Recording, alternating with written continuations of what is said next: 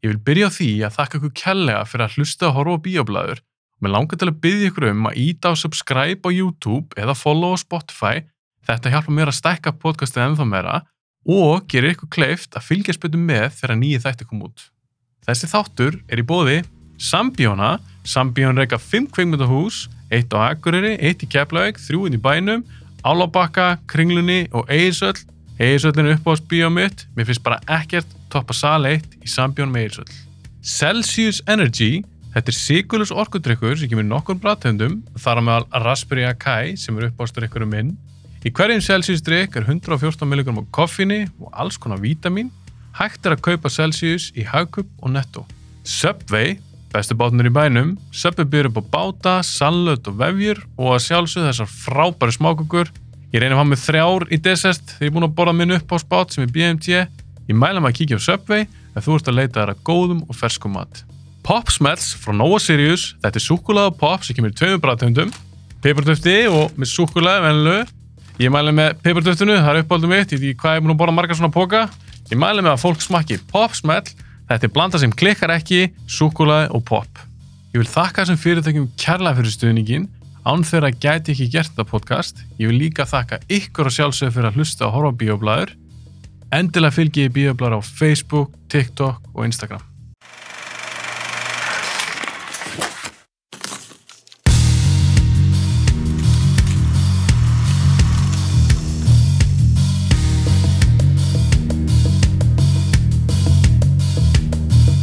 Í síðasta mánuði fór ég rosalega mikið í bíó. Eða, veist, fyrir minn standard. Ég, Af hverju? Eitthvað sérstaklega í síðasta manni? að, nei, ég hefði bara, bara mismunandi fólk og, að fara með og bara svona, þetta voru myndir sem ég aldrei séð ef ég hef ekki farið með einhverjum. Þetta var hérna, ég fór, eða jú, ég fór á Batman í svona fymtasinn, Hvernig er hún í fimmtasinn? ennþá betri. Þannig að þú stendur á allt sem þú saðir í þættinum okkar, Ef, ef ekki meira, ég bara, ég geti haldið áfram. Síðan fór ég með henni hérna uh, Sæjunni Mhm. á Morbius.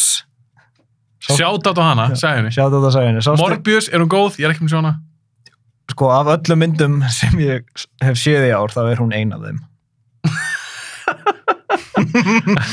Akkur held ég þetta sé röst. hún, oh my god, sko ég ætla bara að fá, fara smá tangent hérna um Morbius sko, sæjunni langaði svo að fara með mér í bíó Mm. þannig að ég ákvaði að breyta því í svona ertu viss leik, mm. ég er bara svona ok en ég má velja myndina og ég valdi Morbius bara svona og oh my god þetta, var eins og að horfa á lestaslis í beinni. Þetta var bara, þetta er að koma að mér og það er ekkert sem ég get gert. Er bara, En var hún skemmtileg? hún var ógeðslega fyndin en ekki að því henni langaði. Það var bara, þarna, Og aðstæðanleg. hún var rosalega kjánaleg hún vildi vera svona tíu sikkur á hlutinir hún byrjar og svo er hún bara búin. Ég get ekki alveg útskist hvernig en hún bara byrjar og svo klárast hún og er bara svona ó, oh, ok og það sem sjokkaraði mig mest í kreditlistanum var að það var bara kreditaður einn uh, editor, einn klippari. Ég held að þetta hefur verið svona tíu manns sem klippti öðrum mynda því hún er klippt í drasl. Og Er hún ekki líka bara 89 mínútur eða jú, hún bara flýgur fram í á, sko svona eins og Morbius í endan, flýgur bara fram í okkur og þetta er búið en, en líka það er alltaf að vera hendin einhvern Spiderman references þótt þetta á ekki, þótt á ekki að vera Spiderman í þessum heimi þetta er bara þetta No Way Home var vinsal þannig að þau eru að tróða inn geðvitt mikið af stöffi og hérna Ah. þau, og þau henda inn Michael Keaton í tvö post-credit scenes sem hann er ekki í actual myndinni eins og trailerarnir segja Michael Keaton er bara í post-credit scenes Er þið núna farin að setja post-credit scenes í trailera? Já. En við, þetta var líka, þú ert með Michael Keaton og þú hendur honum í post-credit sín. Þetta, þetta held ég tel sem mannrættindaglæpur einhver staðar. En var hann að leika... Ég held að hann vissi ekki hvar hann var. Ég er ekki að djóka, hann svona, að því post-credit sín kemur og við sjáum hérna hann að Mirror Dimensionast Doctor Strange opnast eins og í No Way Home Ah. og Michael Keaton er inn í fangaklefa í Morbius heiminum og honum er bara hleyft út af fangilsi að því hann á ekki að vera þarna og Michael Keaton stendur hann og hann er svona ég er, að, ég er að ímynda mér að leikstjóðan sagði Michael, þú ert komin inn í annan heim að því að fyrsta sem hann gerir er að skoða sér í speiklunum og svona tjekka hvort það sé í lægi með hann ég, Ég verði til að sjá hana. og síðan næsta hann að post-credit sín, þá er Michael Morbius, Ah. leik, leikinn án Jared Leto, hann er að keira bíl sem ég skil ekki að því við höfum ekki séð hann keira bíl alla myndina og hann getur flóið og hann er bara að keira um í fucking Transylvania eða eitthvað, ég veit það ekki, hann var að keira í áttan einhverju myrkra kastala eða eitthvað og Vulture er apparently komið með græðuna sínar á núleitni en hann svona stoppar fyrir fram á bílinn og name droppar Spider-Man sem again á ekki að vera til í þessu heimi Mm. og hann segir við Morbius hann að I'm thinking about putting together a team. Og, og Morbius segir interesting og cut to black. Hann segir interesting og svo er þetta búið. Ég er bara svona hmm. interesting er ekki rétt orðið um, hún er editing mess Jared Leto fannst mér actually skemmtilegur í henni Ok. það komur svolítið óvart Ah. Matt Smith var frábær um, en það sem var langfindnast var það er svona samræða millir Morbius og, og Milo sem er vondigæinn í Ah. og það er alltaf svona back and forth shot bara svona myndaðan og honum myndaðan og hér og síðan er hann að koma með svona villainess ræðu Ah. við sjáum svona hann er eitthvað, hann er orðin svolítið reyður í framann og síðan klippur það yfir á Morbius að svona bræðast við hvað hann er að segja. Svo klippum við yfir á Matt Smith og hann er komin í vampíru formið, við fengum ekki að sjá það gerast hægt Bara, Nei. það, það gerist á milli skota og ég öskraði úr hlátri sko. Þú fær ekkert svona, svona transformation scene. Nei. Þetta er bara, hann er, hann er bara Já, og hann er líka, sko, hann er í mid-scream hann er að segja eitthvað úr reyði þannig að hann er svona galopin kjaftin á meðan og hann var bara svona, wow, ok þetta var ekki það sem ég held að myndi gera og myndin er öll svona Mm. og það sem er stásanlegt er, mér finnst eins og myndin sem er glæsilegt meta-moment en þetta var öruglega accidental. Já.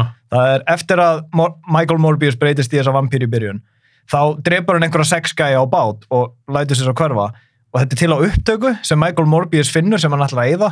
Og við, þú ert með Jared Leto að horfa á þessar upptökur. Þú ert með Jared Leto sem Morbius að horfa á þessu upptöku og hann finnst þetta svo viðstyggilegt að hann ælir. Og ég hugsa, þetta á Jared Leto að horfa cutið, er það ekki? Þú meina það? það er það er því að, oh shit, hvað erum við búin að gera? En þetta var svona vel við að tala aðeins um Morbius. Mm.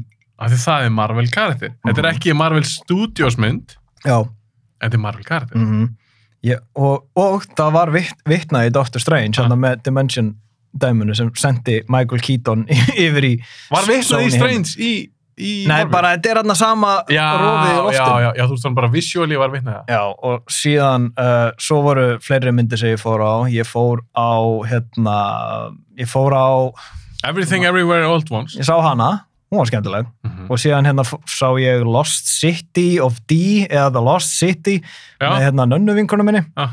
hún er ekki góð þessi mynd er skelfileg hún er svo, Æ, mér treyla allir leið. Trailerin var örgulega fín en sko hún bara ég hef aldrei séð karakter sem var svona vond manneska í gamanmynd í langan tíma sem spilar þetta sem að hún á að vera góð, að því Sandra Bullock er æðislega leikona og Channing Tatum og hún eru með weird chemistry, þeir eru stundum góð saman þeir eru stundum ekki, Mm. en, en þetta fjallar um það að Sandra Bullock er hérna rænt til að finna eitthvað svona Lost City byggt á einhverju sem hún skrifaði Já. en til að byrja með, henni er rænt en Daniel Radcliffe í jakkafötu með Koniak spyr hana hvort hann vilja hjálpun og hann bara name your price, hann er verið að geða þetta við einalögur og hún bara, nei, og þá breytist þetta í mannrán, að því, þú veist í staðan fyrir að taka bara peningin, þá ræna þeirri núna, Channing Tatum eldir það og kemst allalegð yfir bara til fucking útlanda til að bjarga henni, sem hann actually er að gera af því hún er alltaf búin að vera að kalla hann auðmikið og hann gerir alltaf neitt, hann er bara fitness mótuleg og svona, hann er komin alla þessa leið og hún hættir ekki að drulla yfir hann Alla myndina? alla myndina, hún er bara, bara hvað ert að pæla og svo mikið auðmikið, bara þú veist ekki hvað ert að gera og bara kona, hann gaur, hann kom alla þessa leið Þess að bjarga. og ég var bara sjokk, það var endar það var eitt fyndið að til, það var eitt moment í þessum mynd sem leit mér hlæja Ah. það var þegar þau eru komin inn í þetta tempól og það er einn gæði sem finna datt niður, dettur svona til dauða síns og bara hann hann og hann, Daniel Radcliffe segir, haldið áfram og bara, hvað með hann? Well, we're not gonna go get him, are we? því hann datt Þetta er eitthvað, Já, híldýpi. we're not gonna go get him, are we? bara váka þetta á vel orðað En hvort ætti ég að sjá? Morbius eða Lost City? Ef, ef ég geti valið. Ég myndi, ég myndi segja Morbius Freka. ég, ég myndi vilja sjá hann aftur sko. þetta var amazing ég meina, sko, Sæjun var ekki það vissum að henni langaði að sjá hana en my god, hvað við hlóum yfir þessari mynd sko. og Jared Leto er actually fínn í þessari mynd en þetta er bara, þú veist, hún er klift eins og motherfucker og hún er allt of hún er, ég hefði skrítið að segja en hún er eiginlega of stutt fattur það er, Já, já, já, ég skil, ég það skil. er ekkert að þessu runtime það er verið að kram, kramma svo mikið af stöffi Það er eins og þetta sé til lengur útgáðan eitthvað, Já. en þegar við kötta bara eitthvað, nei, við þurfum að hafa hana svona langa. og hún, hún er líka bara weird veist, eins og það er ekki að stablisa hvernig kraftarnir er að virka veist, þeir geta hreift sig gett hratt og stundum er það eins og Morbius sjá allt gerast í slow motion því Mm. hann er að sjá þetta allt gett hratt en þegar uh, Milo, Matt Smith er að spretta svona í áttuna hann, þá sér hann þetta líka. Þannig að hann sér hann fara í slow motion þegar Milo á að að fara gett hratt og þá byrja ég að hugsa, "Bíddu, hversu hraðar er Morbius þá? fattar um mig? Það er ekkert verið að byggja neitt og líka ég elskar hversu casual Morbius er með þetta, hann er bara "Ah, ok, heyrðu, ég fekk þetta leðublökublóð í mig, ég þarf núna að drekka blóð á fjóra tíma fresti og bara ég teki eftir, ég er, ég hefst, hann er að segja þetta í svona tape recorder, bara ég er miklu sterkar en venjulega, ég þarf að taka þetta á fjóra tíma fresti annars og það er að vera að byggja upp svona hann er að taka inn gerfiblóð sem hann hanna sjálfur. Ah, og að því hann vill ekki að neitt svona slís gerist aftur sem hann bara myrðir einhvern í, í svona bloodthirst. Það er verið að segja okkur alla myndin og hún langi ekki að gerast aftur. Við þurfum ekki að hafa ágjör af því, það, það skiptir ekki lengur máli að því hann, það, ge- þið ger ekkert með þetta nei. það er ekkert moment þar sem hann missir kúlu og ræðist á einhvern og þú drepur hann og sér ekki þetta eftir, ef- eftir lang fyrstu senuna, þetta er bara svona ah, nei, ég þóra þess ekki, ég er skeppna og bara svona, ok, cool og, og síðan í nær enda myndarinn þá er hann búin að búið til svona antidote Mm. hann ætlar að stinga Milo með þessu, drepa hann og hann ætlar að drepa sjálfan sig svo að þetta kurs geti farið, svo hann þurfi ekki að lifa svona lengur svo drepur hann Milo og svo flýgur hann burt Og myndi búinn. Veist, en hann stakk sig ekki, eins og það sagðist alltaf að gera. Og svo er plott með lítið stelpu sem hann er að sjá um þegar, og hún er sett í dá að hann, bara, hann, hann þarf að setja hann í svona medically induced coma því hann ætlar að bjarga henni. Við sjáum hann aldrei aftur í myndinni. Ég er að segja, það vantar stöf í þessa mynd, það vantar alveg kapla En það hljóma svolítið svo þegar þú tekið upp meira, mm -hmm. svo hafði bara verið klift. Já, og svo var líka, ok, tvent, anna, tvent annaði Morbius áður við hérna höldum áfram. Svo förum við í meina vendi. Já, svo förum við í the main event, en oh my god, sko, það er karakter í þessar mynd sem er svona detective Ah, og hann, hann kíkir á bátinn hann sem allir þessir rússa voru mistir eða eitthvað og hann segir hérna, maður sjá, það eru sex lík hérna, hm, það vantar blóðið þá. Þetta hefur verið vampýra. Hann segir þetta í fúlustu alvara. Hann er bara, já, vampýra, definitely. Hann er bara seldur á því og, og honum grunar Michael Morbius instantly og þeir fá hann til að interrogate hann og hann er með svona vampýru spurningar við hann. Sko, ég veit að gæðin hefur rétt fyrir sér, en hann á ekki að halda að það sé vampýra. En hvernig eru vampýru spurningar? En þú veist, hann er bara, hann talar um bara you look pale, like you need blood. Eða Oh veist, my god. Þetta, þetta er bara eins og ég segi, þessi mynd ræðist á þig og, og hitt, hlið Mm. var meira þess að fyndið. Bara þetta var genius. Við, Hvernig það? var bara tímasetningin, það var Michael Morbius er að spretta frá einhverju löggu, hann er komin upp á þak og hann svona á ég að fljúa en hann veit ekki hvort hann getur flóið en þó, hann er svona að efa, sé ekki með Tyrese Gibson út af einhverju hotni, með að byssa á hann og segir enough og það var klift á hlið. Myndin þurfti að taka pásu frá sér sjálfri. Hún er að taka báðið svo sér veist, Tyrese Gibson kemur og segir, nú er komið no, svartu skjár, hlið, fáðu ykkur fersloft, Jesus Christ. Ok, förum að tala um að þetta er ekki Morbius þáttur. mm. Þetta er Doctor Strange in the Multiverse of Madness. Mm Með das af Morbius. með, með Dassa Það er Morbius. svona smá Morbius intro á hann fyrir mig Doctor Strange, en hvort það ekki að Marvel karakterar. Mm. Ég held ólega að við verðum ekki sammála, Ok. sammála í kvöld, Ég- ræða þessa mynd Mm. og margt sem ég vil segja Ok. og ég er mjög spenntur ef við erum ósamála, því ég Mm. veit náttúrulega ekki hvernig fannst myndin ef við erum ósamála, þá er ég mjög spenntur að eiga eiga það spjall. Mm. en ég ætla bara að byrja að spyrja þig. Hvernig fannst þessi mynd? og spoiler free, tökum stutt spoiler free og svo fyrir spoilera. Uh, sko, mér fannst það sem mér fannst um Doctor Strange in the Multiverse of Madness er það var þægilegt léttmeti, þetta var frá skemmtunum leikstjóra sem var að fá more or less að gera það sem hann fekk örgulega að gera það mesta sem hann mátti gera svona áður, en, áður en hann stoppaði þar af. Uh, hún er litrík visually skemmtileg uh, með að sagan, með að skemmtilegt að hérna að multiversi sjálft var bara plot device en ekki afsökun til að henda einn grilljón cameos eins og allir voru geða trættur um. Uh, Cumberbatch er flottur og hérna stelpan sem leika America Chavez fannst mér fín.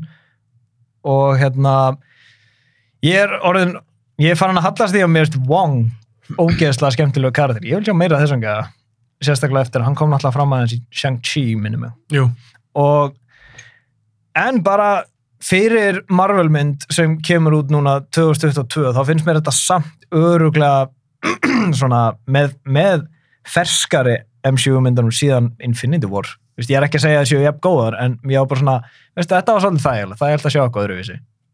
Myndur rankana hátt MCU myndunum ég þyrsti eiginlega að sjá hana allavega einu sinni en ég, nefnilega, ég fór á miðnættu sýninguna mm -hmm. og hérna, það var endar svolítið skemmtilegt að fara á minnættu sýningu á Marvel mynd ég, ég hef ekki gert það síðan gátna á svona Age of Ultron eða eitthvað En hvað okkur er það skemmtilega? bara að því, þú, þú sé svona þessi brjáluður reaction sem fólk hefur með á netinu já, Íslendingar er ekki þannig meira þess að nördakultúrin er rosalega kurteis þú veist, Mhm. þegar þetta cameo kom þá var það svona, hey, cool fattar du? En kannski allt í, í bandaríkjunum brjál Já, bara, þú veist, og maður bara, "Heyrðu, hvað hva er fólkið í myndinu að reyna að segja þetta? fattar du? Ok, einhvern Hvað er það að tala um? Svona við fyrstu, eftir fyrsta áhorf Sko, ég myndi segja uh, solid, solid sjö bara. Þetta er sjö hjá þér Já, bara svona sjö, sjö af tíu. Þetta er bara svona, þetta var, þetta held aðtegli minni, mér finnst þetta skemmtilegt, sumt að þessu fannst mér bara miklu meira kreatív en í og mér leittist ekki. Það var bara svona eitthvað sem ég tók frá eins og ég sá No Way Home tvisvar á hálfusinum. mm. Fyrstu þessi betur hún?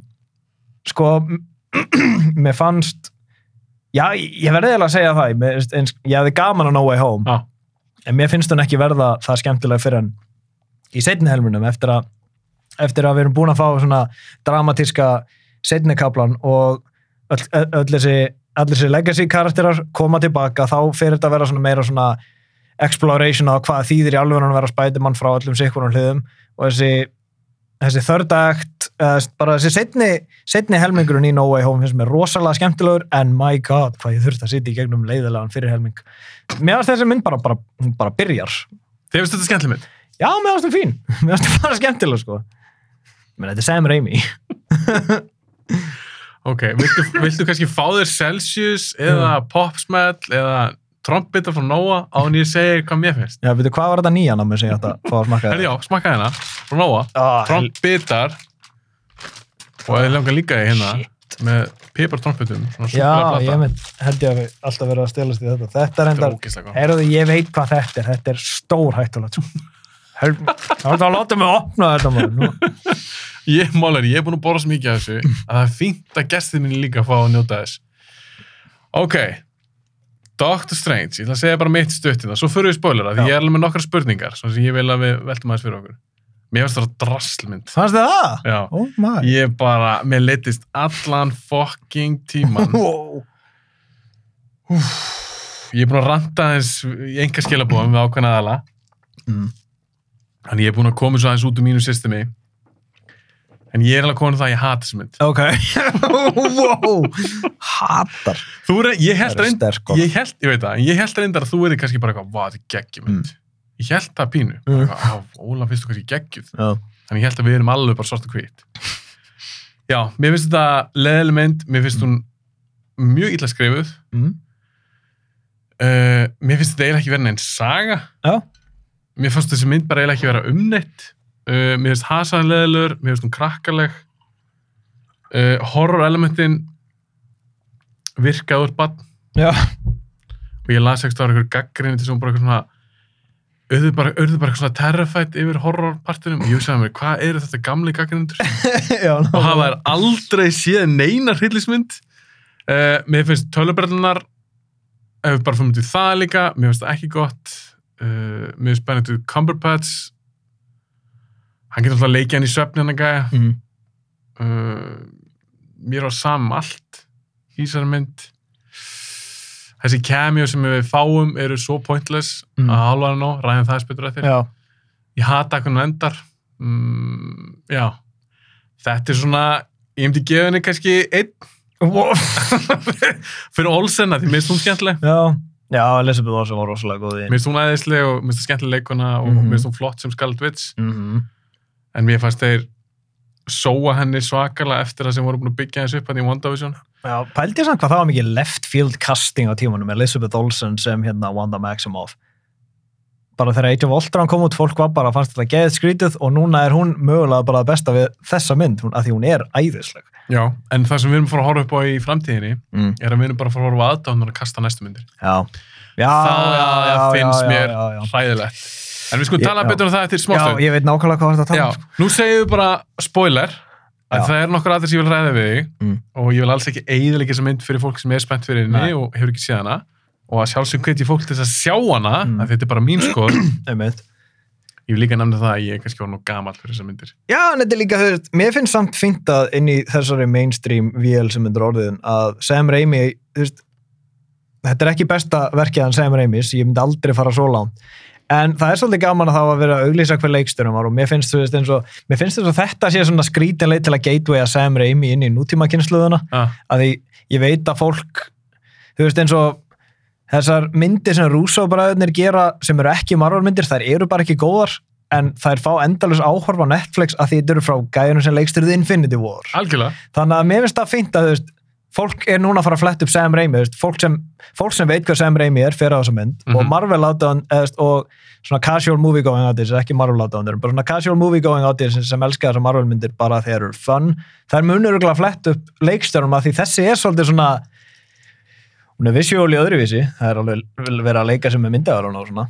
fannst þetta að vera reymi mynd Ba bara frá svona ákveðnum að því, þú veist, eins og með ég get ekki sagt þetta á þess að spóla, sorry Nei, við erum, erum, ekki, við erum búin að segja spoiler Nei, þú veist, en bara eins og líkið í endan og þú veist, hann tekur þessa skugga og breytir þeim í skikkjur. Þetta er Sam Raimi í atriði. algjörlega en mér fannst hann eiga svona 10% af þessar mynd Já, ég meina, þú veist, þessar myndir eru alltaf alveg bara 90% tilbúnar nú þegar ára en eitthvað leikstöru fengið til að sjá aðeins um leikarana því previs og storyboards eins og Infinity War og hérna margar af. Marvel-myndunum hafa Ja. bara verið hérna eru action-atriðin sem þurfa að vera í þessum myndum. Bara eins og Civil War, það er bara previs það er bara strax til, ok, liðin þurfa að mætast á flugvelli, Mhm, mhm. og þetta, þetta er bara hvernig get, en síðan færði einhvern leikstjóra til að- til- og reytöfund bara svona hvernig komum við um það sést náttúrulega mest í, í Black Panther. Af því kannski ástafur ég þú líka þá mynd. Mér finnst það fín mynd en það er svo, það er svo magnað að sjá að þú getur séð hvað Ryan Coogler er að fá að sjá um sinundar og síðan sérðu að þetta var það sem var storyboardað og, svo sérðu hvar hann fór bara í eitthvað eitthva frí. Já, já, hann nákvæmlega fór bara um klósett. Mér fannst ég ekki vera að finna jú, ég skil gott við með Reymi dótið.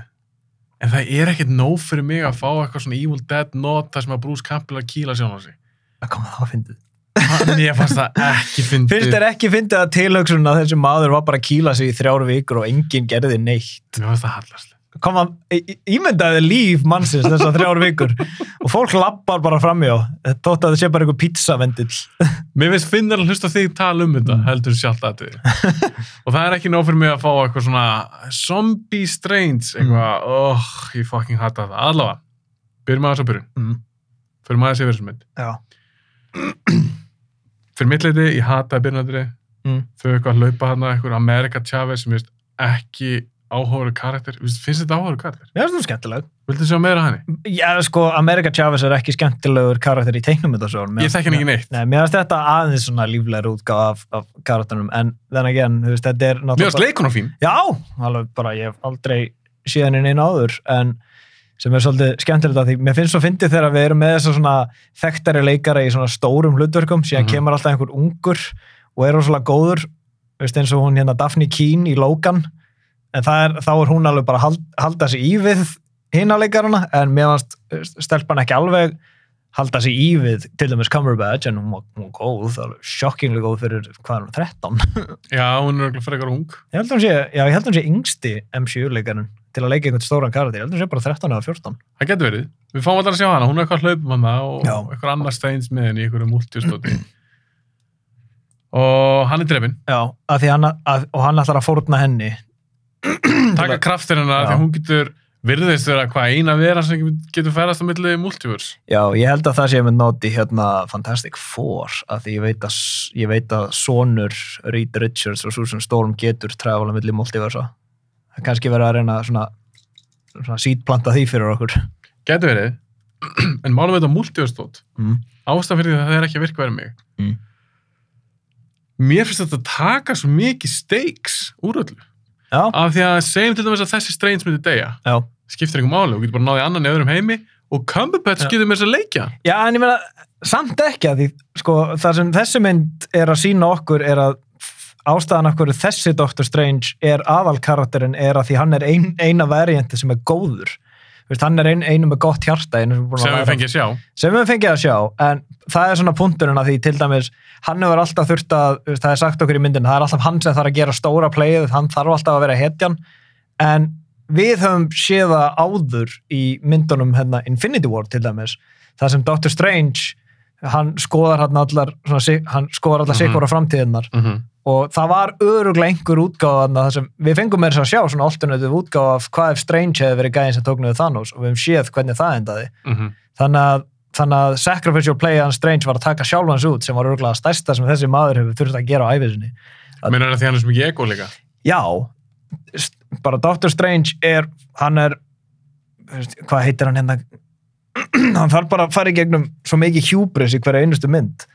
Að það bara, hann er veist, hann er fíbl, Mhm. hann er, gáfa, hann er alltaf gáfaðasti maðurinn í herbygginu hann er, hann er svo upplöðasti nema þegar það er convenient fyrir söguna. Fattar um mig? Hann er nörfað rosa mikið í þessari mynd. Já, ég var mest að hugsa um No Way Home þegar Spiderman sigraði hann með, með, hvað var það? Geometry.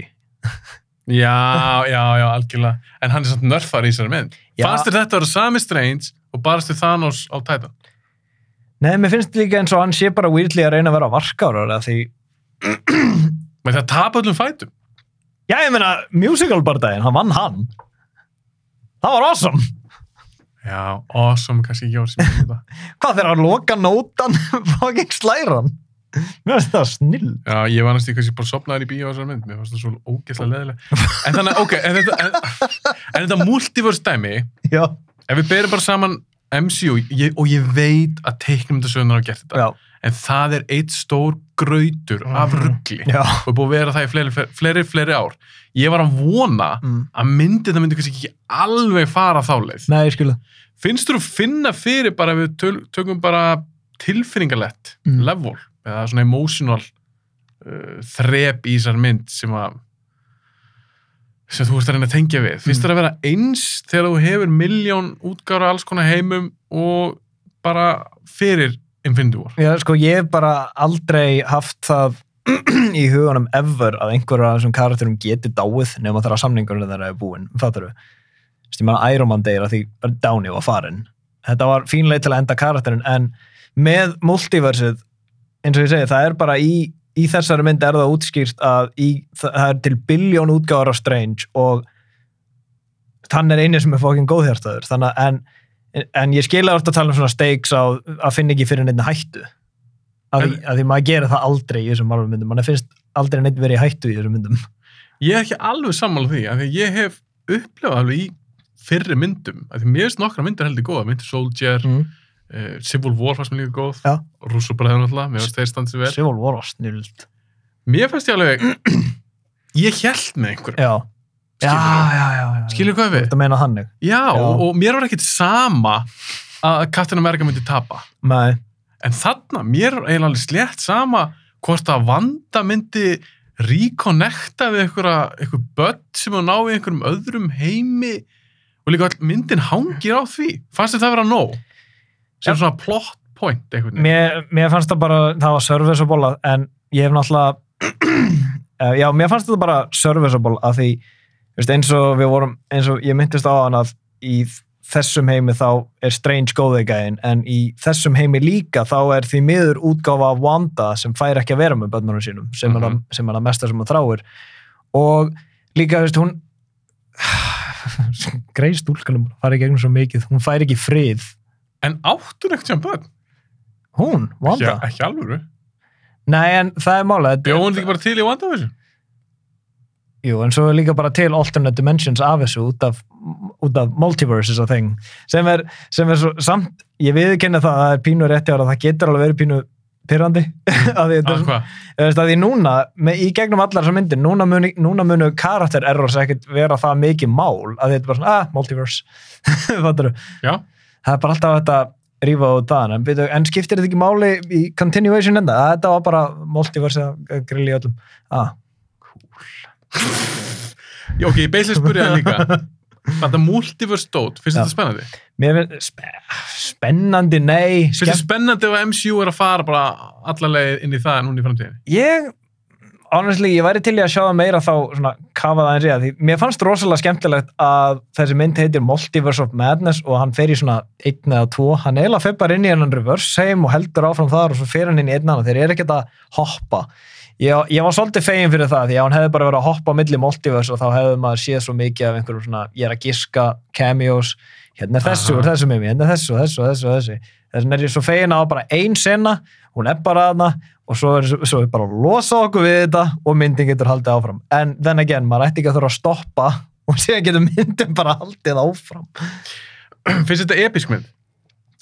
ég myndi ekki, ég myndi ekki kalla hana episka nei, bara bara svona, kostar 200 miljonar dólar, fannst þú að sjá það á skjánum? nei en maður er orðin- svo maður er, orðin, maður, maður er með svona tunnel vision á þessu myndum maður, Já, þetta er alltaf orðið, það líti allar einhvern veginn eins út nema. Já, með, nema þegar þú færið gæðin svo Sam Raimi sem á aðeins svona, að við skulum láta þetta líta slightly skemmtilegur út. Þú veist, bara eins og, hann næri að draga svo súran húmor úr stöðum eins og þegar að fucking decomposaða líki hans Strange lifnar við og hann er að gefa einhver svona hetjuröðu við America Chavez á meðan hann er bara rótnandi lík. Þetta er hilarious. Þetta. What? Við elskar ekki Sam Raimi? Jú, en tölum aðeins um það, Sam Raimi. Nú hefur ég séð viðtölu við hann, út Já. af Strange. Hann gerði síðast mynd fyrir nýju árum, Já, sem ég reynda sá ekki, Oz, þarna, The Great and Powerful, sást hana? ég sá hann í bíó. Hvernig var hún? Það mann ég ekki, ég sá hann, ég sá hann í bíó. ég hef ekki séð Já, síðan. mannst ekkert eftir henni? Nei, nei. Nei, ok, ég hef ekki séð hana, ég ekkert að sjá hana. En hann er ekki leikstitt mynd í nýju ár. Nei. Scott Derrickson Mm. átt að leikstýra þessari mynd. Það er myndi sem ég vil sjá. Mm. Svo sem gerðu þetta upprænlu Já. uh, Strange. Meðal annars. Heldur að hún hefði verið eitthvað mikið öðru í þessu? Veit það ekki. En mér var Strange fyrsta tölvarspilin þessi. Já, reyndar, fyrsta Doctor Strange er actually bara fín, sko. Ég, Fínasta mynd, þó þú séu náttúrulega með kannski sömu svona plott beinagrind og margar orðin sögur. Já, þetta er bara, þetta er bara Batman Begins á síru. Nákvæmlega. en mér varst það svona eitthvað líf í henni. Mm. Raimi, eins og segja, hann hefur ekki leikstitt mynd í nýja ár. Mm. Svo sé ég viðtölu við hann, ég hef ekki séð hann í mörg ár. Og ég, mér, mér þykir rosa vænt um Raimi. Mm -hmm. bara og Evil Dead og mátt tala um þær þykir vænt um hennar kall þetta er gæi sem að hafði rosa mikil áhrif á mig og bara minn kvikmyndasmekk Og líka bara Guðfæður nútíma ofriðumyndarinnar. algjörlega, alltaf Spiderman en mér finnst það rosa bara gammal kall Hann er gamalt kall. já, en málega er að mér finnst mér, mér fannst ég bara sjá það og finna það í þessari mynd Mm. og þess að ég er líka að pæla að því hann er hún eldri og hann er fenginn inn sem B-val ef við vil kalla það, eða bara svona replacement leiksturi Mm -hmm. Er hann að berjast fyrir ykkur lengur? Hefur hann orkið það? Er, er hann að nenna því? Eða luffar hann bara? Það er bara takk fyrir að gefa mig vinnu. Ég held að þetta sé bara það er alltaf gaman fyrir Kevin Feige að fá að vinna með Sam Raimi aftur.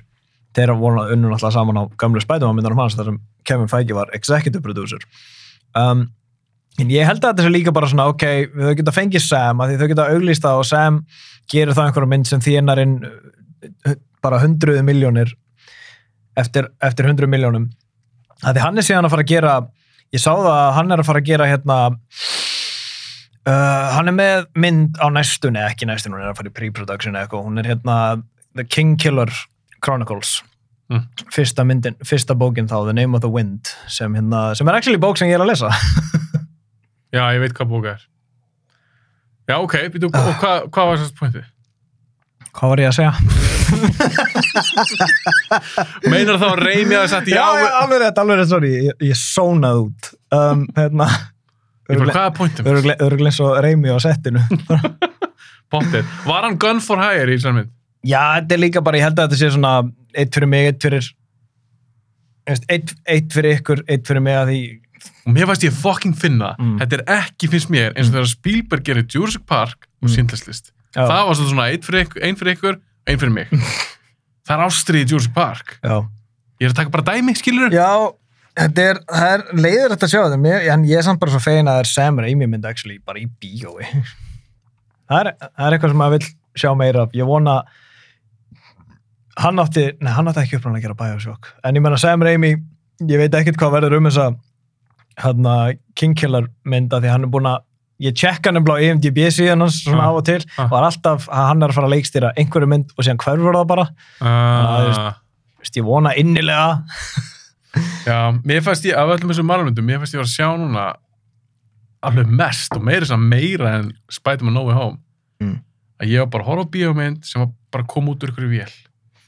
Já, það er svolítið svoleiðis. Sem þetta er orðið pínu þreytt rosalega þreytt. Ég, ég held að, veistu Þóli, ég held nefnilega að ég er að horfa til þess að Moon Knight núna. Já, ég er svona að pína mig gegnum það. Já pína þig það er ekki á gaman. Ertu búin með það? nei, en Hvað kom langt? ég er búin með þá tvö. Já, ok, þú bara nýbyrjar. Nei, ég, ég sá fyrsta þáttin þegar hann kom út. Ég sá annan þáttin sem hann kom út og svo, hef, ég- svo er ég bara búin að vera að býða eftir þetta klárist að því maður langar bara að taka þetta í einni. Þetta er búið? já, alveg rétt, þetta er búið, sorry ég dagarnir mér er mixast bara En já, allavega, ég er, nei, ég er ekkert skemmt með svakalega vel við þeim. Nei. Ég er, svona, ég er samt að gæla við að gera Knight þátt. já, Ég var svona að pæla að gera með einum gesti sem er komið. já, En eftir ég horfði, þá, ég sagði, já, ég vil gera Knight þátt. Mm. Ég sagði það á hann ég horfði, á hann ég var búin að sjá eitthvað því. Svo hann er búin með þrjá þætti, ég ætla bara að sjá til. Mm. Allavega, mér finnst það ekki skemmtilegt, þú veist, þetta er það sem er mest körðin hún í dag í MCU-dutunu. Mm. Það, svo horfum ég á, á, á þessa. Ég held ég, ég held ég sjái Thor mm. út af Christian Bale og, jú, sjáum hvort að tæka ná að láta mig hlæja. já Svo held ég þessi bara átt. alveg átt eftir Thor Ég held ég er endar, ég skil að ég, ég er svolítið að hallast það sama sko, ég er mjög spenntur fyrir eh, ég er ekki að deyja og spennu fattir en ég, mér langar að sjá Thor fjögur af því ég þú veist, tæka skemm, skemm, náða skemmta með konunglega með Thor Ragnarök Christian Bale að leika Gore the God Butcher þetta verður röglega bara ógeðslega skemmtilegt og ég meina, þetta er Christian Bale Þa, það er stór ástæður ég vil alltaf sjá hann. já, er engin, hann er ekkert að fara að fóna þetta inn sko. ég get ekki séð hann gefa frá sér boring performance í, þessar, í þeirri mynd sko. Nei, og, og hvað er að koma næst? Ég er ekki spennt fyrir Black Panther, gæti ekki meira saman það. mm. Uh, er að koma Captain Marvel 2, gæti ekki meira saman það. Mm. Er að koma Guardians 3, myndi ekki sjá hana ef þú segir svo geðveik, þá skal ég sjá hana. Annars er ég ekkit spennt fyrir henni. Ég er ekki spennt fyrir einhverju úlinga drama, eitthvað Miss Marvel í einhverjum skóla, eitthvað, en hérna, en hérna Guardians Holiday Specialið ekki spennt fyrir því. really? Ég er ekki spennt fyrir She-Hulk. Ég er Mm. ekki spennt fyrir eitthvað, æ, þú veist, þetta er bara svo, Þetta er, þetta er svolítið mikið þeir eru að dæla út allt og miklu efni og það sést á þessum myndum, finnst Mhm. mér horfðu bara á þessar nýjastu myndir mm. Black Widow, Shang-Chi, Eternals Doctor Strange Spider-Man No Way Home mm. finnst þetta að vera svaka gæði? Nei, þú veist, ég meina það, það er svolítið erfitt að horfa á hana multi-million dollar overheitjumynd um allt þetta þegar maður er nýbúin að sjá The Batman Jöp. sem er bara ein mynd þú veist, Hún er episk, hún er ein, hún er episk, hún er falleg og öðruvísi. Já, bara fálanlega vel skrifuð og þetta er bara mynd sem tekur sinn tíma að segja sína sögu. Já, ég var að tjekka hvort að bólun hefði breyst. Hefði, hefði breyst í Batman ból nei, þú veist ennþá Yu-Gi-Oh! bólnið eins og ég hefði bara aftur. Farið í Batman-bólnið já, Já, mér fannst hún til dæmis sína manni svolítið ok, þetta er hægt. Mm Þú, það, þetta, þessar margarmyndir, þetta þurfa ekki að vera allar óður myndir þurfa ekki að vera svona. Nei, og þetta er orðið svona pínu þreyt og mér fannst þessi mynd, Doctor Strange 2 kalla hann bara Doctor Strange 2 Mm. mér fannst það virka svo allt við hana fannst mér vera svo flatt. Mm. mm. lúkið frammeðstöðunar mér fannst bara vant allan púls í þessa mynd. Mm. ég var alltaf að býða eftir einhverju. En við þurfum aðeins að tala um eitt aðri ok, ok, ok. Illuminati ég var að býða já, að því við fáum að sjá Illuminati loksins í þessar mynd mm. fengum að sjá Ultron drónan aftur Já, og við fengum að sjá Reed Richards, við fengum að sjá Xavier, öðruvísi, eitthvað variant af Captain Marvel, Mhm. Captain Carter og eitthvað svona dótt. og svo líka Black Bolt Og Black Bolt, sem var, held ég, ég er ekki saman leikur að vara í Inhumans. Það gerði þætti, ég þetta sá er ekki Inhumans. jú, því, jú þetta, er, þetta á að vera sami gæði, ég sá ekki þættina ég, Ég sá ekki heldur. bækurnar en ég sá ekki þættina þeir lukkuðu amateurs Ok, þegar við fáum að sjá Illuminati Mm. í þessar mynd. Hvernig fílar það? árinni svarið til að fá mér eitt Celsius Fá þess að sjá. Peach Vibe Alltaf var Pete Swipe, hvað Já. smakkaði það síðast? ég held Peach Vibe Alltaf fáið sama? Já, ég fekk mér, ég fekk mér tvo síðast. Ég fekk mér peach og svo fekk ég mér fresh apple og... Raspberry. Ég var ekki búinn að smaka raspberry, já, fer ég hann fyrir þessi búinn. Ég er fucking þyrstur. En finnst þú það góða pizza? Já, mér finnst það mjög góður, sko. Það er svo fallið hljóð. Mm -hmm. Ok. Svona sinnan í taxidræfur þegar það er svona pana inn á, á kólsýru töflun allt og lengi. Vá, ég sé alveg bara fróða maður. Ok, Illuminati, hvernig fílar þetta? Ah, vá. Það var... Það er svo spes þegar Marvel myndir gera þetta. Þegar það er bara svona stopp. Núna kemur þetta. Gætur þú köttað út og það ekki skipt nefnum? Mm, sjá. Hvað gerðu þau í svona mynd? Já, náttúrulega Charles Xavier er til að segja Steven þú ert kannski góð manneskja eitthvað sem nú þegar að díla við í myndinni en Ok, Nei, þetta, þetta er bara var þetta must? þetta er, mér finnst þetta skemmtileg leið til að sína okkur hvað Wanda var orðin unhinged og hvað hún gætt gert án þess að þurfa að taka frá nú þegar iconic karakter inn í MCU -nu. þetta var bara svona, hei, hérna eru þessi karakterar og Wanda slátrar þeim mér finnst það En var ekki nóg að sjá, því að það var einn, ég, ég lendi í smá svona spjalli við nokkra fylgjendur á Instagram Mm. og eitt sagði, hann eitthvað fíla ekki sem en hann sagði, já, að, kannski var þetta þess að sína hversu öfl hún er. uh -huh. En það er sem gert fyrir myndinni. Þegar hún ræðist á Kama Cha Sam hann eitthvað. Já, The Camartage Já, Kamartage og rústa því öllu. mm. Persóna fannst mér það alveg nóg, ég var, ég var sáalega og hún öflug. Já. Ég hati til Illuminati. Já, ég skilði þig sko, ég skilði þig Getur nefnt meira fanservice rung sem þú séð í bíómynd bara ever? Það er svo færð, það sem áhörundu fá að sjá loksins John Krasinski sem Reed Richards. Að þetta búið svo mikið fan-casting bara held ég í mörg ár. Ve Veistu hvernig ég vildi? Ég vildi Patrick Wilson. Já, ég var þetta, jú, jú, ég Patrick Wilson er Mr. Fantastic. Það er The Fantastic. Ok, en svara þessu. Hefur séð meira Nei, fanservice nei, um leið og hann poppaði hann upp það var endar miðnættu sýningin þá var margir sem komið alveg Já, wow, en þá, þá hugsaði ég bara, dammit, það er ángur gæi. Ég, augun á mér fóru bara gegnum hausunum ránkóldu svo svakalega. Sástaður heilan. Í rauninni. Mér fannst, ég var alveg bara að því ég hugsaði með mér, please ekki John Krasinski. Nei. af því að núna eru aðdándur farnir að kasta í þessar myndir. Mhm. Þeir hafa reynda gert það áður en það var fyrir alveg 20 og eitthvað árum. Það var hérna Charles Xavier. Já, Patrick Stewart. Það var vinsælasta óskin þá way back when en Það er sköllóttur og gamall. Ha, já, rúglega En mér er þannig aðeinsluður, ég er ekki drulluður Hvað áttu að fá Bruce Willis? Nei, ok, allavega. Oh my god, það hefur verið fyndið. Ef, þetta hefur verið Bruce Willis í stólnum. En fannst þetta gott aðri? Fannst þetta skemmtilegt aðri? Nei, nei. Þetta var spes, mér fannst, mér fannst, hérna, mér fannst bara skemmtilegt að sjá Wanda ganga frá þeim öllum af því þá var mér fannst það einmitt vera svona release mitt, mér fannst þetta bara svona eh, cameo, cameo, cameo, cameo ó, oh, nice, En þetta svo, er döið en svo skiptur þetta einhver máli af því að þetta er bara annar heimur. Já, nákvæmlega, en ert að segja mér fannst þér ekki gaman að sjá John Krasinski breytast í svona núðlu? Nei, mér fannst það frábært. Nei, veistu hvað, mér fannst líka ekki gæðnins aðri Hvað? og mér fannst þetta svo ábyrjandi og ég pæla vel ekki mikið í þessu. En það er hvort það sé vera berstu kallaða konu. Mm. hún berstu tvo menn. Mm. Black Bolt, Mm. rústur honum 5 sekundum Mm. og bæða veginn, hún segir hann eitthvað what mouth og bara hverju munum Já, hans. Matrix. Já, já, algjörlega. En hún greinlega getur þetta. Já, uh, svo berst við, uh, berst. Svo Reed Richards, hún slátur hún þetta var að vera gáðist maður í heimi. Já.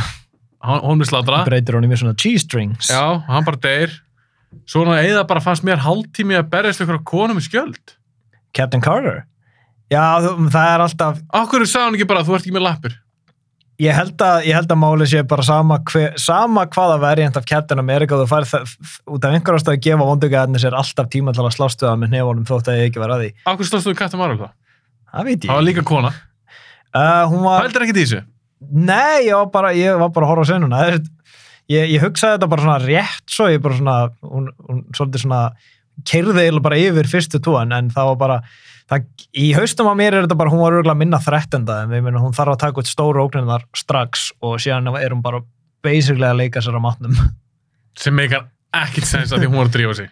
Nei, ég, ég bara eins og ég segi, þessi sena bara flög fram með mér, sko. Hvernig eru kraftin þennan vondu? Getur þú mig? Veistu, Hvað, hver er reglið þessum hennar krafta í, í, þess, í MCU? Í MCU, hún er náttúrulega bara powerful telepath. Greinlega öflunni segir. Já, hún er búin að þurfa að Já, náttúrulega með árunum þá hefur hún þurft að vera svona mastera þetta því hún var ennþá pínur rookie í Civil War og ég er að giska eftir hún kynnist Vision. Nei, sko, kraftarnir hennar eru rosalega svona undetermined einhvern veginn fyrir utan í svona að vera að segja okkur í WandaVision. Hún getur warpað reality.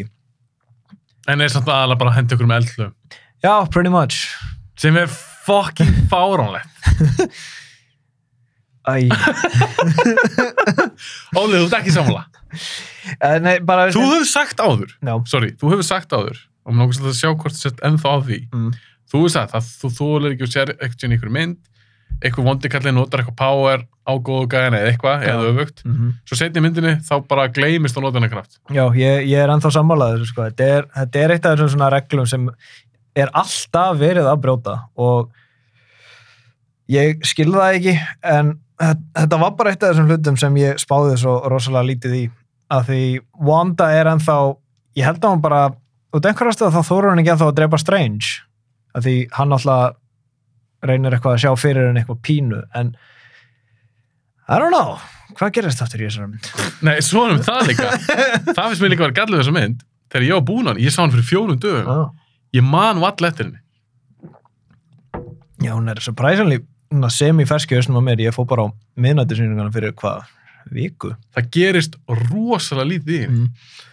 En mér fannst samt- svona skemmtilegt að sjá bara svona hvernig hún fær Strange til að skoða sig svona innra meira því að hann þarf ekki alltaf að vera hetjan. Ég veit að það tekur svolítið frá því að því hann á að vera, hann er aðalkarakterinn og hann á að vera mesta hetjan en stundum er þetta svona Steven, þetta er ekki alltaf á öxlunum þínum, þú þarft ekki alltaf að vera aðalgægin og Wan- Wanda er um þetta á hinum að því Steven þráir ekkert meira en að vera bara, hann þarf að vera bestur, hann þarf að vera þetta og þetta. Og veist, það er meira þess að í þessu alternate reality þar sem Stephen Strange var illur, það var samt til stitta af honum þar sem að satt að hann sigraði Thanos bara svo, þú veist, bara svo fólk myndi hafa góða minninga á honum, þetta er svo mikið eitthvað Stephen Strange, en með Wanda, hún einmitt, hún fer í sömu átt en veist, hún fer í hináttina Mm. er að því Strange er þarna að læra það að maður getur ekki alltaf fengið það sem maður vil eins og þú veist, út af, út af snappinu hans Thanos, þegar hann kemur tilbaka þá er hann búin að missa konuna sem hann elskar, þú veist, hún er núna í samvændum með öðrum manni, hann er ekki lengur The Sorcerer Supreme sem er öruglega að gera hann insane. Fattaru það er öruglega ekkert meira sem bitra Steven en það að titillan hans var tekin á honum.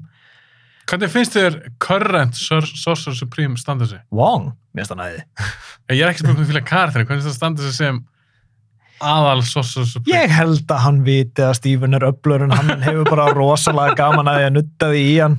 Hvernig fannst þér hann þegar hann bara gaf sig bara að, það kemur kona að fórna sér Já, bara ekki segja henni hvað þetta Darkhold eða þessi spells eru já. svo bara liftur hann upp einhvern þreim gaurum hann bara ok, ég skal fara með þér." Þú veist, öll myndin er svona við erum svo illa að skrifa Mm.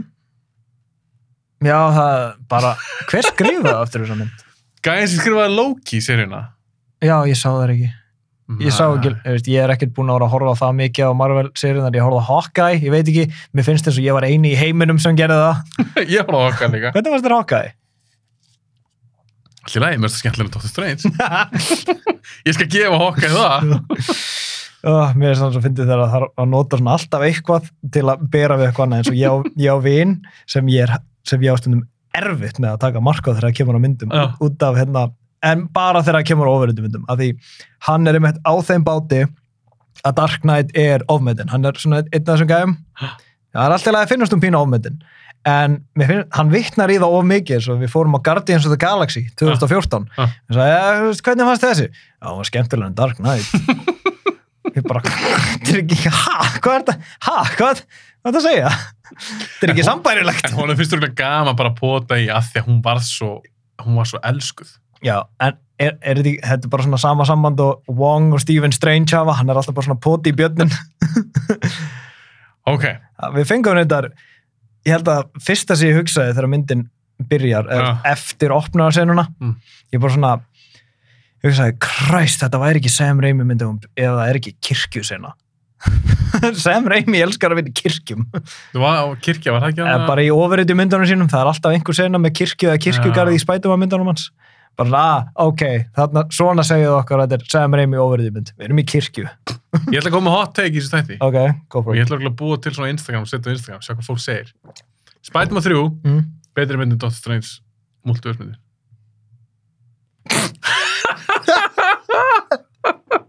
Óli, ég skal á svona hæð. ég var fyrst að hugsa ég hugsaði ég hugsaði hvað er línan en svo myndi ég strax að já, Sam Raimi leggst þetta báðum þetta er bara svona svo fyndi að bera þær saman. Ástæður ég ber þær saman, er að það var líka svolítið mikið stúdíófikt. já. Það er, er ekkert hvena fæ Sam Raimi break? Hvena má hann bara gera myndina sem hann vil já, hann fekk að gera myndina sem hann vildi með hvað hérna, hvað hva, heit- hvað heit hryllismyndina frá 2009, Drag Me to Hell og Spider-Man 2, það eru svona síðustu 100% Sam Raimi myndinar sem við höfum fengið Ég, sem ég held, að því maður ef maður sé viðtöl við hann og svona, og, og ég vil ekki að lesa viðtöl við Bruce Campbell, Mm. hvernig hann talar um Raimi, ég held að sé rosalega næskur. mm. Stundum held sé ofnæs. já, Ég held að sé, ekki að sé stundum vera á allt yfir hann. Maður spyr sig, maður spyr sig en, en Sam Raimi er samt svo mikill móðurfokkar líka hann, er, hann lætur ekkert alltaf láta se- segja sér til sko en hefur heyrt um svona behind the scenes sögurnar af honum ef Ah. Sam Raimi fær sjens til að henda einhver í þig þá mun hann gera það persónulega sjálfur hvað mennur það? ef það er svona rubble til dæmis ef ef bygging Já, springur eða eitthvað þá já, er hann já, alltaf já, á já. kamerun að kasta í áttina á fólki og eins og hérna hann er með skrítnasta directors cameo í heimi, hann er í Spider-Man 2 þú bara sér ekki andlita á honum það er að Peter Parker er sittin í skólan og hann dettur hann og það, hann er að taka upp drastlið sitt og það kemur einhver gæi að labba fram í honum með, með tösku og fer í andlita á honum og síðan kemur annar gæi úr hinn áttinni sem kemur ennþá fastar með tösku já þessi setni gæi var Sam Raimi neldi Tobey Maguire í andlitið gott rifja. ok, förum að klára þetta með Strange. ok, Uh, í lokin, það, er ekkert annað sem að, mér langar til þess að ræða, mér langar aðeins að tala við um það post-credit-drasl, mm. þegar við sjáum Charles Theron. Já. Já, ég var ekki alveg. Who gives a shit? Já, það er orð- orðið svolítið mikið svoleiðis með þessi postkrediti sín. Ég sá svona, ég sá tweetum þetta eitthvað á Instagram. Þetta er bara, hérna, þetta er svona, Mar Marvel aðdæmandur býða í alvörunni korter eftir post, eftir, nei, býða í alvörunni korter eftir að allur helvítis kreditlistin klárast svo einn gæði geta hoppa inn að ramma og sagt I'm Skippy McDippy og síðan er myndin búin. Þetta er bara svona, að, þessi gæði. Algjörlega, hún byrðist þannig eitthvað, oh, you've caused an incursion eitthvað, you have to go eitthvað, fix it eða eitthvað. Mm. Og ég var bara, "Eh, ég ætla ekki að vera með í því æfintýri.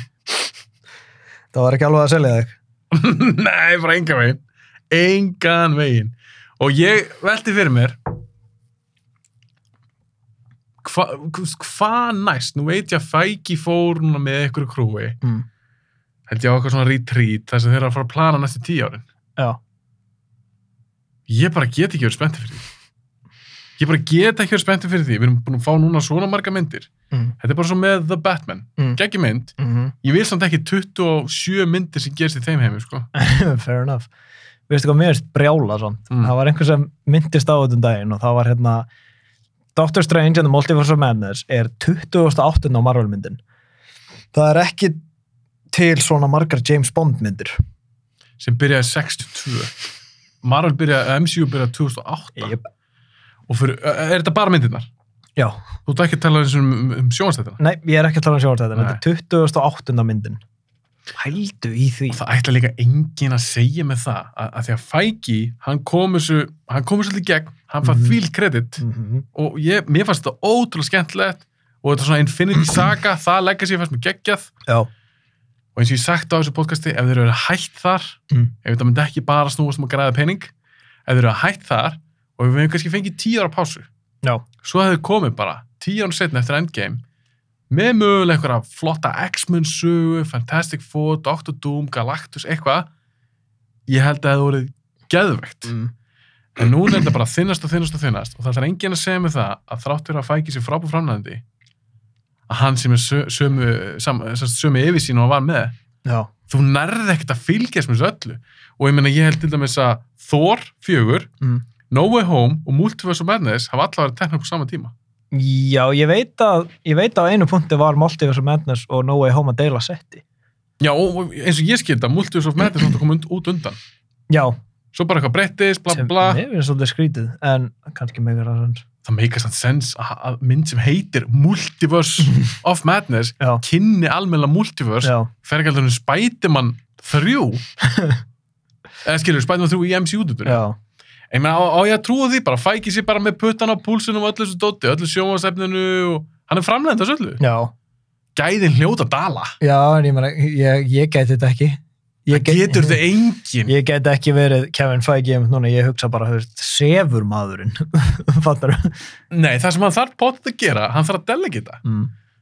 og þá kannski er þetta magic touch sem hafa með Mm. það er bara ekki stert, það bara Nei. ætlar enginn að segja mér það maðurinn getur ekkert sindis öllu Nei, gæn er líka bara ríkasti fokking maður í Hollywoodi með núna, það er bara, bara. hann, hann græðir pening á hverjum einasta degi, það er bara í miljóna tali, það er bara svona, veist, það er fyrir hann sé ekki eins og fucking George Costanza með veskið sitt, það sem hann er svona að reyna að loka því og svo svona pff, springur það bara. þetta er örgulega mest successful framlegandi ever í Hollywood Já, ef þú tækir bara inn peningin, peningin 100%. Hefur Já. samt ekki unnið, hefur, hann, hann, ég heldur að hann muni fá heiðusorskar í framtíðinni. Meina, þetta er huge achievement. já, en málega er, ef þeir halda áfram að dæla út svona tóti Já, það er fara að hafa áhrif á á legacyið já, þetta er bara eins og með Game of Thrones allir esku Game of Thrones, svo komum sístu tvær sérinn út það er bara áhrif á mer- vörumerkið Já, pretty much. Mér finnst þetta samt ná að halda pínu sína í strikja því það er nógu mikið af góðum myndum að nú þegar og svona, þú veist eins og Infinity sagan sjálf sem er náttúrulega búin endar á Endgame, það er ennþá bara, hei, hérna, hérna er gott stöf, sko. En ég veit ekki, Phase 4 er búið að vera pínu funky. það er bara lélegt hver er þetta besta myndina af þessu myndir sem hafa komið út Já, ég sjá hvaða myndir hafa komið út. Black Widow. Black Widow, No Way Home, Shang-Chi, Shang-Chi, Multiverse of Madness. Er ég að gleyma einhverju? Eternals. Eternals en ég menna að glemdu henni allir þannig að sko hver er best? að, það, að, sko No Way Home var, ör, var öruglega best af þeim en ég myndi samt öruglega horfa á þess aftur þú ætlar að horfa þess aftur? Sko ég myndi frekar horfa þess aftur að því það er, það er meiri bara svona af atriðum sem eru rosalega góð ein og sér í No Way Home sem ég get bara horta á á YouTube. Já, meina bara atriðin. Já, já, þú veist, eins og ég hef bara ekki gaman að fyrir erminum af No Way Home. Ég hafði bara, mér fannst þetta bara svona fínt, en to be fair, ég var, ég, ég er nýbúin að sjá Morbius og Lost City, fattur Já. þannig að þetta hérna, þetta er mér bara svona, vutt, E- e- Hvor er þetta betri? Ég veit ekki að ég sangjart að bera saman, ég ætla samt að gera. Mm. Hvað er þetta betri? Doctor Strange já, eða Everything, Everywhere, All at ah, Once? damn it, beat me to the punch. Það er multiverse mynd líka. já, sko, svo, Everything Everywhere All at Once er surprise multiverse myndin sem ég held að allir þurft á að halda þessu mikið af rosalega fallegum þemum, það er verið að nota multiversið á ógeðslega skemmtilegan hátt eins og þú veist, það minnsta til að byrja þetta er bara svona, hei, farið í krummafótum og bara svona, ok, þetta er svolítið skrítið, en síðan kemur næst bara, hei, brjótaður hendina, ok. Hér er papercut á fjórum stöðum, eitthvað og ég bara, ah. Ég veit ekki af hverju það er fyrsta atriði í langa tíma sem við látum mig flincha ég, Ógislega. ég hata papercuts þetta er að versta heima því þegar þú fær papercut þetta er það eina sem þú hugsar um restin af deginum. Ógíslega. En er hún betur en Doctor Strange? já, 100% hvað? Þú, þú getur ekki þú getur ekki selt mér að þú, er, þú sem Kevin Feige með, með sko skjalatösku af peningum getur ekki sagt mér að Multiverse of Madness er betur en Everything Everywhere All at Once. Það er nefnilega það er Multiverse of Madness myndin sem í rauninu við áttum skilið. En eitthvað bara svona, af hverju kann það ekki verið Doctor Strange, bara svona hann að upplöfa bara einhvern svona einhver svona tilvistakrepp og allt er að fara í fokk en á sama tíma, ei Stephen nennur að, nennur að nennur aðeins að laga persónulífið þitt svo að bara hafa ekki áhrif á okkur öll? Mm en já, Strange fekk ekki það mikið að gera í þessari mynd sadly, hann fekk að vera ferðalangurinn Mér finnst bara að fá að vera fórnum. Tapa allir fætum og nema þessu nótna fæt þarna. það var svo skemmt En var hann ekki líka að berast mútið sjálfu sér? Jú. Það telst ekki með, Óli. en, en come on, þetta var hann með aðeins meira hár og aðeins meira skegg. Er Scarlett Witch dáin?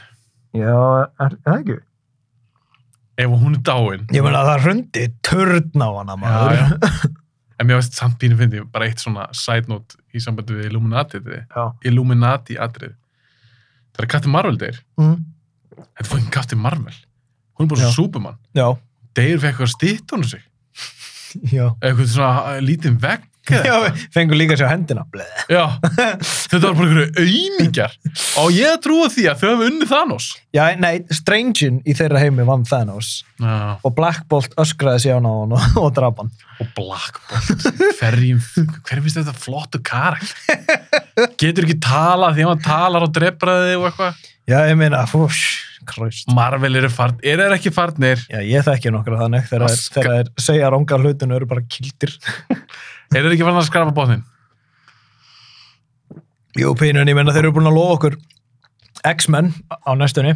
Heldur að Krasinski kom aftur sem Mr. Fantastic eða var þetta bara shameless cameo? Ég ætla að koma aftur. Já, heldur að konan hans verði Susan Storm. Já. Sue Storm. Nei, að fyrir alltaf því hvernig að gera. Já, Mér að það gera þetta í tíu ár. Þú, ekki. heyrið samt X-Men stefið það ekki þegar Charles Xavier rúlaði inn í ramman. Var þetta ekki eitthvað svona X-Men animated? Jú, stef- þetta var frá 97. Du-du-du-du-du-du. Já. Du-du-du-du-du. Og hann er í svona gulastól og Hann eitthvað. fekk loksins gula stólinn sinn. Þetta er allt bara, veistu það, ég, Shit, hvað Patrik, þú ert svona gammal. hann er fucking gamal. Ég veit allavega hana, ég veit að einhver verður spenntur fyrir satru það verður hann Máni. Hann, hann, hann verður örgulega mjög gaman fyrir hann að sjá Patrik Stúart deyja aftur. En hann fekk svo góðan enda í Logan. Aha. Akkur er það að koma aftur? Money. Já, veist, ok, ég veit það, þetta er svona rhetorical spurning. Óli, ég veit þetta er náttúrulega peningar. Já, e- þetta er, veistu, ég meina að Stúart hefur alveg talað um að hann ætlaði að enda þetta á Logan, svo bauðst hann til að koma aftur þegar Legion átt að fara í gang og mögulega ef House of M átt að fara í gang, þetta er svona, ah, getum við ekki bara, getum við ekki bara kvilt þig, þú veist, úr búin. Hugh Jackman er ennþá búin að halda sig við sín orð, hann er bara, hann er ekki Wolverine. Ég betur að hann kemur að þetta myndi poppa klædnar í þrjár sekundur. Ég er endar hjælt, ég er endar hjælt í hérna trailerunum, þá sáum við hérna hana Chavez og það er svona skot af henni að hoppa og hún er svona extenda hnefan og er svona zoomað inn á hnefan og svo er klift í næsta skoti í trailerunum. Mm. Ég hjælt grínlaust að þetta átti að vera Laura úr Logan. Það var, það var það sem ég hjælt. Þú hún er eldri en Daphne Keen, hún er klætt svolítið svipað og þú veist, hún já, er að hoppa þarna og gerir, þú veist, og sveiflar hendin og það er farið inn í ló, aða lófanum og síðan er klift burt og ég hugsaði, ef þetta eru klætnar á lóra þá, þá garga ég, sko. en þú berðu saman þessar myndir, ég veit að þú elskar Logan. Já, ég Berðu elska Logan. saman Logan við þetta MCU-dótt. Alls ekki. En þú veist, af hverju ekki? Því, Þetta eru Marvel-kartarar. að því Logan er eins og The Batman. Þetta er bara ein mynd, segir sína svo, ég veit að, ég veit að Logan er veist, þrið, þriðja myndin í tæknilega sé þríleik og veist, þetta er loka myndin af Hugh Jackman, sagði, hvað var það, nýju myndir sem hann var slatti. Wolverine. En samt, hún nær, þú þarft ekki að hafa séð aðra X-Men mynd til að skilja Logan, til að skilja þemundar sem hún er að segja og bara skilabóðan sem hún er að fara með eða jafnvel hafa gaman að því þetta er quality filmmaking, þetta er James Mangold með fucking Óskars tilnæmt handrit, hvað heitir því? Fyrsta, fyrsta comic book myndin til að fá Óskars tilnæmningu Það er ekki ekki og hérna, Ég þarf að horfa aftur á hana. þú þarft að gera það maður því ég mun, ég mun tala um hana í þætti sem við planaðan einn daginn Hvað þurfa það? það var hérna þegar við ætlum bara að fara í gegnum myndir sem við elskum Já, já, já, já, já, já, ok, Logan á þeim lista. Á, já, hún er á þeim lista sko. Ok. og, en hérna þetta er bara James Mangold og Hugh Jackman að gefa 100% í bara eina condensed söga, því jú, það hjálpar það eru bara svona pínu litlar senur sem vitna í gömlu myndunar en þetta er samt bara þessi saga, þetta er bara hérna er Logan, hérna er gamall kall og þetta er myndin. Og The Batman er alveg eins það er bara, hérna er þessi saga þú þarft ekki að séð neitt til að skilja þetta að því sagan er nógu vel sögð. En til dæmis þú þarft reyndar ekki að vera búin að sjá jafn mikið af Marvel myndum til að skilja þessu og til að skilja En þú samt að vera búin að sjá heila sjónvarsserju. já, ok, þú veist eins og með eins og með No Way Home, þetta er ekki jafn slæmt á það, þú þurftir að vera... Nei, en þetta er samt slæmt. Já. Ok, svo í lokin. Óli, þetta var ekkit svakar langur þáttur hjá okkur. Svo Nei. lokin, með Marvel, Ok. og það sem ég er að fara að gera núna, bara við erum aðeins búin að snerta því, hvað hvað finnst þér ég geti gert til þess að þú erði bara geðveikt spennt fyrir framhaldinu? Hvað þurfti Marvel að gera? Já, Oh my god, hvað þurfti Marvel að gera? svo ætlum ég að segja það sem ég verð til að sjá. Ok, uh, byrja þú. Ok, þetta er bara, ég, ég er bara að pæla mikið í þessu. Já, að því kannski ef ég heyri þitt, þá det- dettur mér eitthvað í hug. Eða bara segir, já, ég sammála þér og þáttur er búinn. Já. það sem ég verð til að sjá, að, að það er bara tvent. Þetta er bara ef ég fengi bara símdal, Hafsteinn, hjálpa okkur að, Já. hvað, hvað er að gera þetta, koma út í kjæftæði, hjálpa okkur. Ég ennlega myndi byrja að köttinu er allt efni. Þetta er allt og mikið efni. Alltaf mikið, já. Til að dæla út allt og mikið efni, fara bara aftur í að því á tíðanbili þá voru það að gefa út maxt tværmyndir ári. Já. Þegar MCU byrjaði, tværmyndir ári. Ég myndi vilja eina á ári. Það er sem ég myndi vilja líka. Ég myndi, ég myndi, ég myndi kötta meira. Mm. Ég myndi fara meira ekstrím heldur þegar þeir byrjuðu. Ein mynd á ári, setja bara allt púður í hana, Mhm. vanda sig, gera geggja handrit, allt þetta. Það er nummer eitt. En nummer tvö, ég vil líka fara að sjá þá taka alvöru sjensa. Mhm. Til dæmis Blade. Já. Hvernig væri að hafa hann aðrættið? Já. Þeir eru ekki að fara að gera það. Aldrei, aldrei. Hvernig væri það? Förum aðeins út fyrir boxið. Já. Síðasta sinns þegar fóru verul út fyrir bóksið, það var með Daredevil-seríónum. Þær eru hardcore, man, ég elska þær. En eru það eitthvað, er það kann? Það er eiga að vera eftir No Way Home, en ég meina, hver er að fylgjast með þessu? Þetta er orðið, jafn- þetta er orðið eins og X-Men myndina voru áður, þetta er bara svona, ski, öff, skiptir þetta máli? Ég er beðs að spurja, telst þetta með sem eitthvað, eitthvað sjenn sem MCU var að taka? Mm, Þetta voru Netflix þættir. já, já, to, to be fair, já. Sko, ég, honestly, já, Hvað ég, viltu sjá? hvað vil ég sjá? Ég vil bara að þeir fari, sko, mér langar að sjá Age of Ultron, gera það aftur. Viltu fá betur útgáð á Ultron? Nei, sko, sko, ég fíla Age of Ultron. Ég Já. hef alveg weirdly, rosalega gaman af Age of Ultron, en Ultron er einn af mínum uppáhals uh, villains í Marvel heiminum Mm. og mér fannst hann er perfectly cast, James Spader var amazing sem röddinn hans Ultron. En hvernig hann er skrifað, hvernig fílar það? Já, ég meina, það make a sense.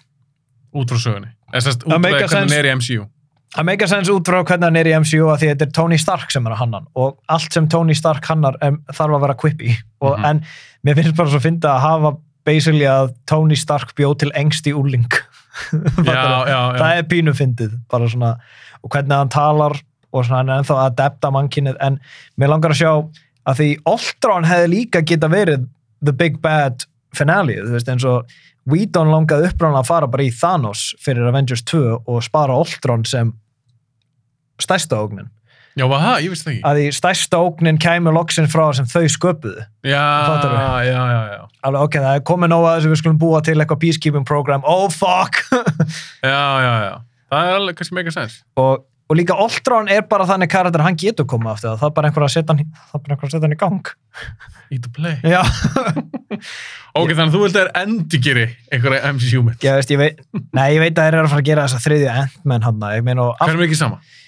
Já, sko, ef þeir myndu ef þeir myndu planta því að Scott nei, Hank Pym sem er náttúrulega, sem bjóð til Ultron í teiknumendasjónum hvað ef þeir myndu sít planta því að Hank Pym er að búa til sin, sin eigin Ultron ég held að ég er interested en ég vil bara eina Marvel mynd á ári kannski sjómaserju og ég væri bara til í að sjá það tækla aðeins hættulegri sögurnar, þú veist eins og þeir eru aldrei að fara að gera Marvel Zombies en Finnst þið það spennandi?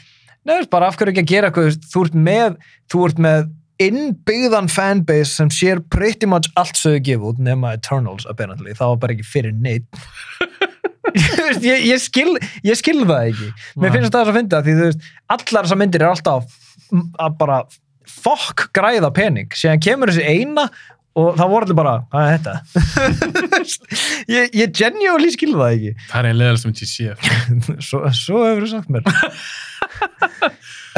Ok, hvað segirðu? Þú vil, eh, kannski smá sjónvarserjur, eina að margmynd ári. Það var eitt draumurinn. Já, líka bara finnið karakter segið góða sögumörm eins og ef Multiverse of Madness hefði verið miklu meira um bara innbyggðar tilfinningar Strange að vera að adjusta lífsitt eftir snappið og hvernig það geti haft slæm áhrif á þetta, þetta er að fara í gegnum hvernig uh, gjörðir hafa afleðingar í hvaða heimi sem er ekki ósvipað hérna Everything Everywhere All at Once. Þetta er bara svona hvað sem við gerum hérna hefur áhrif hér. Og með Strange hann þarf alltaf að vera gæinn sem er að halda á hnýpnum eins og þið segja svona 50 sinnum í myndinu eða eitthvað. Mm -hmm. ef það hefði verið central focus myndarinnar hef, þá hefði hún verið öruglega verið tölvöld betri. Ég, ég held að við séum báða sammála um það. Mhm. ef þetta hefði bara verið veist, ef, ef, ef þetta multiverse hefði basically verið bara svona, svona slís physical representation af hvernig, hvernig hann nú líður Mm -hmm. það öruglega verið betra svona aðeins meiri sálfræða baku þetta en ekki bara hérna er Charles Xavier Nei, hérna er Illuminati og eitthvað bla bla. þessi mynd brauti það er ég Nei, ég bara, ég, ég, ég var svona pínu leiður því að ég, ég veit að ég er eldast og þetta er Já. kannski bara eins og ég sagði minn, fórum hann saman og hún báðar að degu leiðendum. Og kannski eru við bara, þetta er kannski bara ekkert fyrir okkur lengur. Nei, svo, nú, þetta var öruglega bara eins og hvernig pappalega með henn af stíl Já, ég held ég sé að vera veikur en nú skil ég líka pappa minn því að hann, þegar þetta MCU dótt var að byrja, jú, hann sá Iron Man og eitthvað, sá kannski fyrstu þrjá fjórar, Já, svo bara tjekka þess út, hann sagði bara, já, þetta er komið gott. Og ég var bara, hvað meina, þetta geggjað, þetta geggjað. Já, ég, eins og þegar ég sagði það, en ég sá hérna Doctor Strange, hvernig var hún? Ég sagði bara, þetta var bara drast. Herru, endum við því, þetta var bara drast, Óli. Næst, næsti þáttur sem við tekum upp, yep. er bara núna á næstunni og ef að planum mitt gengur upp ég þóra aldrei að segja svona fyrirfram þetta getur breyst, en ef að planum mitt gengur upp þá verður þú í back-to-back þáttum Já, það verður ekki þannig að Doctor Strange og svo erum við að fara í fucking Star Wars Yep. episode 7-9 Episode 79, það verður það verður örgulega cathartic þáttur. Fyrir okkur báða, Já, ég, við munum fá að sleppa svo mikið á hlutum út. Gremju og reyði Já, það, það, það mun einhvern þurfa að borga fyrir þann sálfræði tíma ég held það, herru Óli, takk fyrir að koma. Takk fyrir að fá mig